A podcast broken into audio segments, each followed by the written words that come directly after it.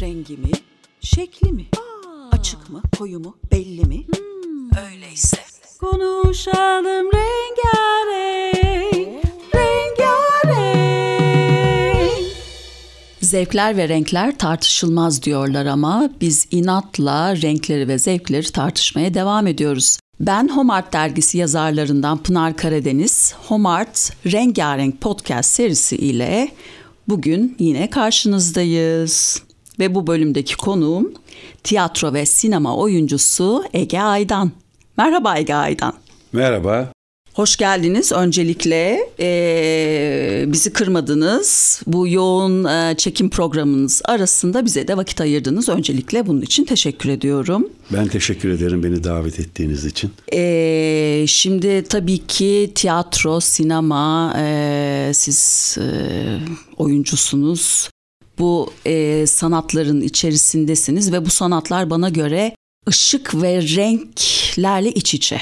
Ve her birinde e, televizyonda da olsun, sinemada da olsun, tiyatroda da olsun her birinde etkileyici bir atmosfer yaratma amacı var. Bu e, sanat eserlerinin e, temelinde bu e, böyle bir atmosfer yaratma güdüsü var. Kurgu süreçleri, renk kurgulama süreçleri nasıl işliyor bu sanatlarda? Şimdi tabii ki zor bir soru. Siz hep soruyu öyle bir sordunuz ki yani bu hem plastik hem fonetik sanatları da kapsıyor. Tabii çünkü ki, sinema ve tabii tiyatro. Ve renklerin de e, insanlar üzerindeki etkileri tartışılmaz doğal olarak. E, ama e, mesela şöyle düşünebiliriz. Çıplak olarak yani üç ana rengimiz varsa yani hani kırmızı, sarı, mavi ki bunlar e, üretilemez. Doğada zaten vardırlar. Ve bütün renklerde bu hani bu üç rengin birbirleriyle karışımından e, doğar. Yani sonuçta yani bu hani teknik bilgiyi böyle vermek gerekir. Yedi tane renk oluşur. Buna da işte hani e, güneşin yedi rengi deriz. E, güneşin yedi renginin de e, sıcak renkleri ve soğuk renkleri vardır. Hani bunlara fazla girmeyeceğim ama bunların belirli oranlarla birbirleriyle karışması hani Newton'un çarkı gibi düşünün. Beyazı oluşturur. Tersi de siyahı oluşturur. Ama biz filmlerde ee, ya bir de şunu da söylemek lazım. Tabii renklerin insanlar üzerinde, her insan üzerindeki etkisi de farklıdır. Biz genel anlamdaki etkiyi kullanmak durumundayız. Ee, çıplak e, bu yedi rengi salt e, dümdüz kullandığımızda bir öykü yaratamazsınız. Yani bir dramatik bir yapıyı kullanabilmemiz için de e, grilere ihtiyacımız vardır. O yüzden e, Hani direkt sarı, direkt kırmızı ya da mavi böyle açık sıcak renkler belki hani İtalyan sinemasında Akdeniz e, ağırlıklı Fransız, İspanyol sinemalarında falan hani kullanılabilir o etkiyi e, yaratmak adına ama yine de içinde gri tonlar vardır. Gri belirsizliktir. O belirsizliğin içinde ilerleriz aslında. Yani mesela şimdi artık renkli heykeller de yapılıyor ama yani e, sonuçta e, heykel beyazdır günün e, belirli e, saatlerinde o ışığı alır ve kendine öyle e, yansıtır izleyiciye ve renkler de böyledir. Günün her saati değişkendir. Yani oldukları gibi değillerdir. Değişkendir, grileşirler. İşte biz de o yüzden bu griyi kullanmak durumunda kalırız. Mesela bir e, en iyi örneği İngiliz sineması. Belki onlar güneşi daha az gördükleri için sürekli pastel renkleri kullanırlar. Siz de bir karabasan yaratmak istiyorsanız herhalde sarıyı falan kullanmazsınız. Yani hani böyle tabii yapılmaz diye bir kaide yok ama genel anlamda söylüyorum. İşte o gri tonları kullanırsınız. Yani renklerin e, yapıya mesela müziğin, efektin, oyunun, tabii ki kadrajın ve onun içinde rengin de etkisini e, mutlaka ki kullanmak zorundasınızdır. Böyle özetleyebilirim belki sorunuzu. Tabii tabii çok güzel bir özet oldu. Şimdi buna bağlı olarak dünya sinemasında e, bilim kurgu örneğin veya romantik komedi gibi film e, kategorilerine uygulanan belirli renk paletleri var mı? Aa, kesinlikle var. E, hatta e, renk paletinin dışında yani tabii ki bu görüntü yönetmenlerinin falan çok daha iyi size anlatabileceği teknik bilgilerdir ama ben hani duyduğum kadarıyla hani senaryo şablonları bile var. Dakikası belirlenmiş, tespit edilmiş artık insan üzerindeki etkisi tespit edildiği için Konu yok ama belirli grafiği kapsayan senaryo şablonları olduğu gibi bu e, renk şablonları da vardır. Kaldı ki bazı efektler vardır. Mesela şimdi söyleyeceğim. Mesela Jaws e, filmini hepimiz hatırlarız. Oradaki e, köpek balığının gelişinin müziği yani efekti olmasa hani dım dım dım dım dım dım dım dım o pek bir şey ifade etmez. Kesinlikle. Bomboş gelir. E, o doğal olarak e, köpüklü bir denizin içinde gelmesini de tercih etmez e, yönetmen. Daha koyu e, turkuazdan değil de hani yeşile kaçan maviliklerle yani lenslerle bunu sağlar. Yani gün ışığını da biz objektifteki lenslerle değiştirerek arzu ettiğimiz duyguyu ifade eder hale getiririz. E sonuçta bunlar denene denene e, mesela gene bilim kurgu bir film e, örneği Total Recall'da e, bir pervane döner. E, havasızdır insanlar, oksijene ihtiyaçları vardır ve o pervanenin e, ışığı kesik aralıklarla yere düşer böyle dönerken bir havalandırma pervanesi düşünün ve o flap'ın sesini duyarız biz. Flap, flap, flap. Bu böyle ağırlaştırır, insanları bir beklentiye sokar. Yani bunun etkisi insanların üzerinde çok olduğu için bu klasikleşmiştir. Artık bunu başka filmlerde de görebiliriz. Buna benzer bir sürü şeyler vardır. Bir filmde kullanılır, etkisi çok güçlü olur. Ondan sonra artık o efekttir, o renktir, o ışıktır. Mesela bir polis yani e, karakol düşünün. Nedense karakolda bir jaluzi vardır ve bir ters ışık vardır. İçine mutlaka bir sis basarlar öncesinde ışığı iyi görebilmek için. Dışarıdan ters ışığı yansıtırlar. O e, jaluzinin arkasından e, kesik halde ışık girer. Orası nedense hep de bir karakoldur. Yani orası bir hastane olarak çok nadir kullanılır ya da bir ofis olarak. Ama bu e, kahverengimsi ya da gri tonlarla beslenmiş, bezenmiş mekan bir polistir.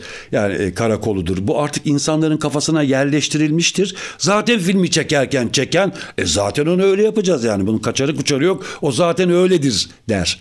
Yani böyle şartlanmışlığı bile vardır. Hı hı.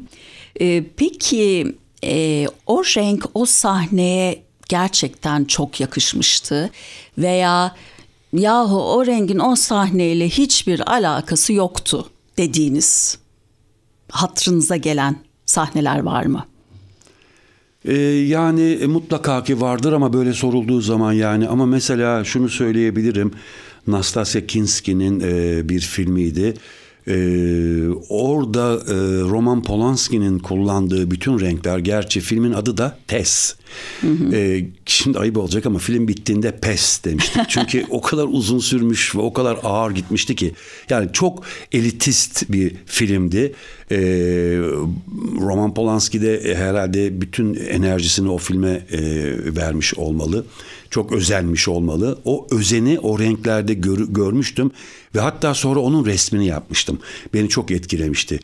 Ee, ve Nastasya Kinski de çok güzel bir oyuncu ve kadındı. Onunla e, filmi bezemişti. O da bir ışık gibiydi. Oyuncu oyuncuyu ışık gibi kullanmıştı. O koyuluğun, e, kızıllığın, gri kızıllığın içinde. Evet tersi de olabiliyor.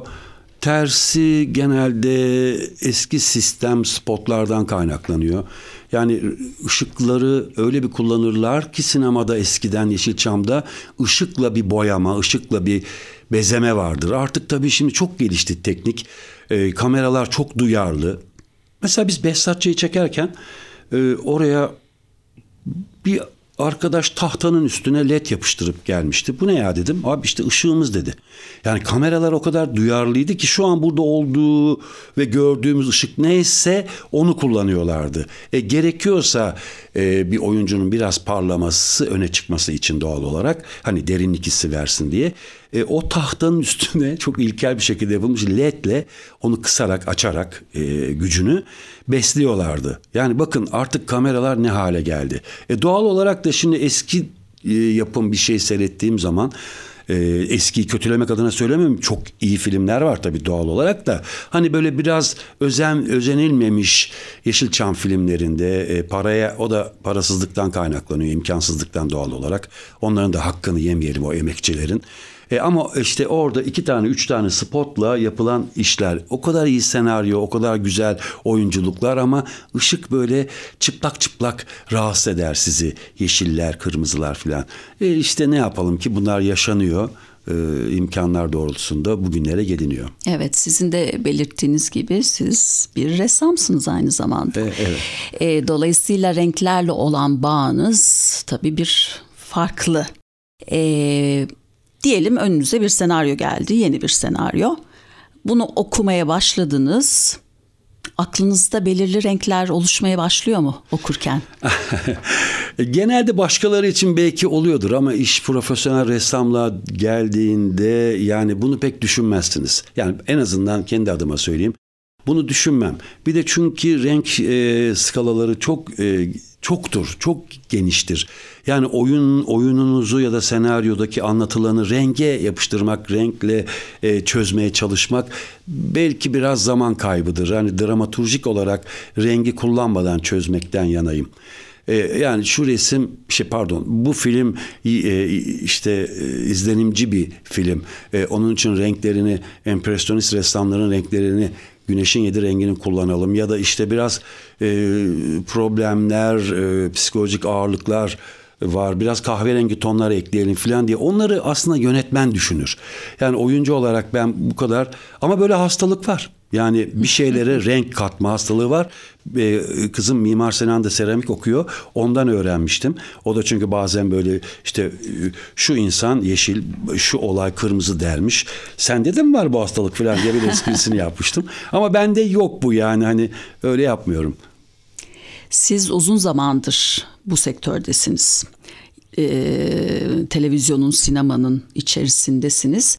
E, dolayısıyla sanki ilk başladığınız dönemlerle şimdiki dönemler arasında bir takım farklılıklar var gibi.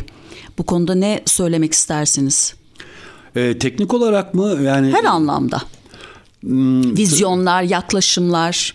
Ee, tabii ki gelişiyor. Türkiye'de gelişiyor en azından reklam sektörünün Türk sinemasına katkısı. Yani bunu göz ardı edemeyiz ve yetişmiş yetenekli e, yönetmenler olsun, e, teknik eleman olsun.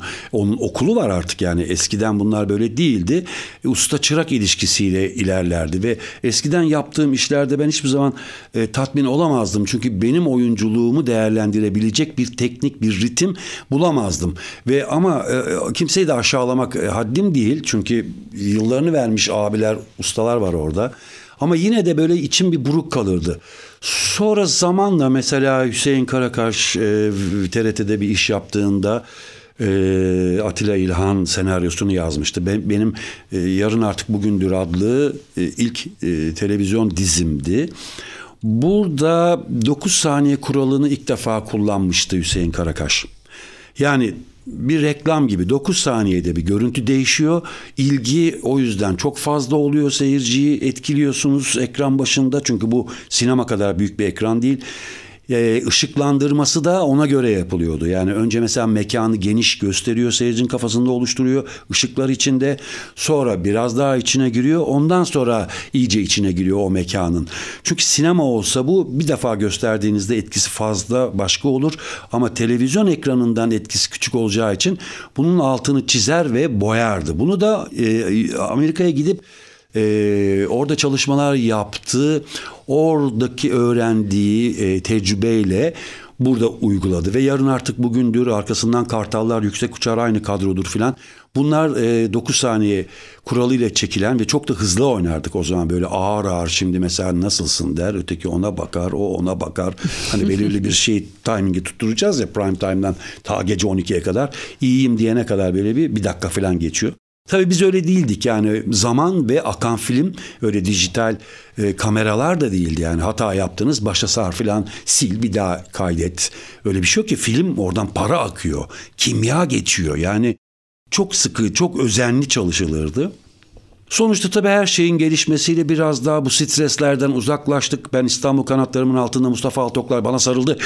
Ege ne olur son magazinimiz. Yani eğer bunda bir hata olursa başka film yok çekemeyiz falan diye beni böyle strese soktu. Ve çok önemli bir sahne çekiyorduk. Allah'tan hata falan yapmadık ama hiçbir yönetmenin de oyuncusuna şimdi Mustafa dinlerse kızmasın bana ama bu yaşandı ne yazık ki böyle. yani bu stresle bunu oynatmanın da bir oyuncuyu germenin de bir alemi yok. Şimdi e, tabii çok daha rahatız. E, hata yapmamaya çalışıyoruz tabii genelde. E, ama hata olduğunda da en azından hata olacak stresinden uzaktayız. Yani buna benzer bir sürü streslerden uzaklaştıkça, kendi kanalımızı, temelimizi oluşturdukça herhalde e, çok da iyi, iyi işler çekiliyor, yapılıyor.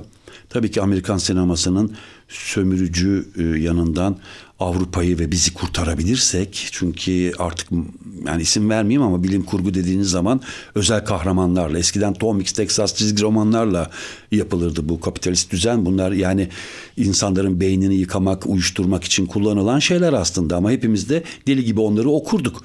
E şimdi de deli gibi seyrediyoruz yani ben mesela bilim kurgu hastası olduğum için ve Star Wars hayranı olduğum için yani bundan vazgeçemiyorum. Hani her şey bir tarafa Star Wars bir tarafa ama bütün bilim kurgular başka tarafa diyebiliyorum.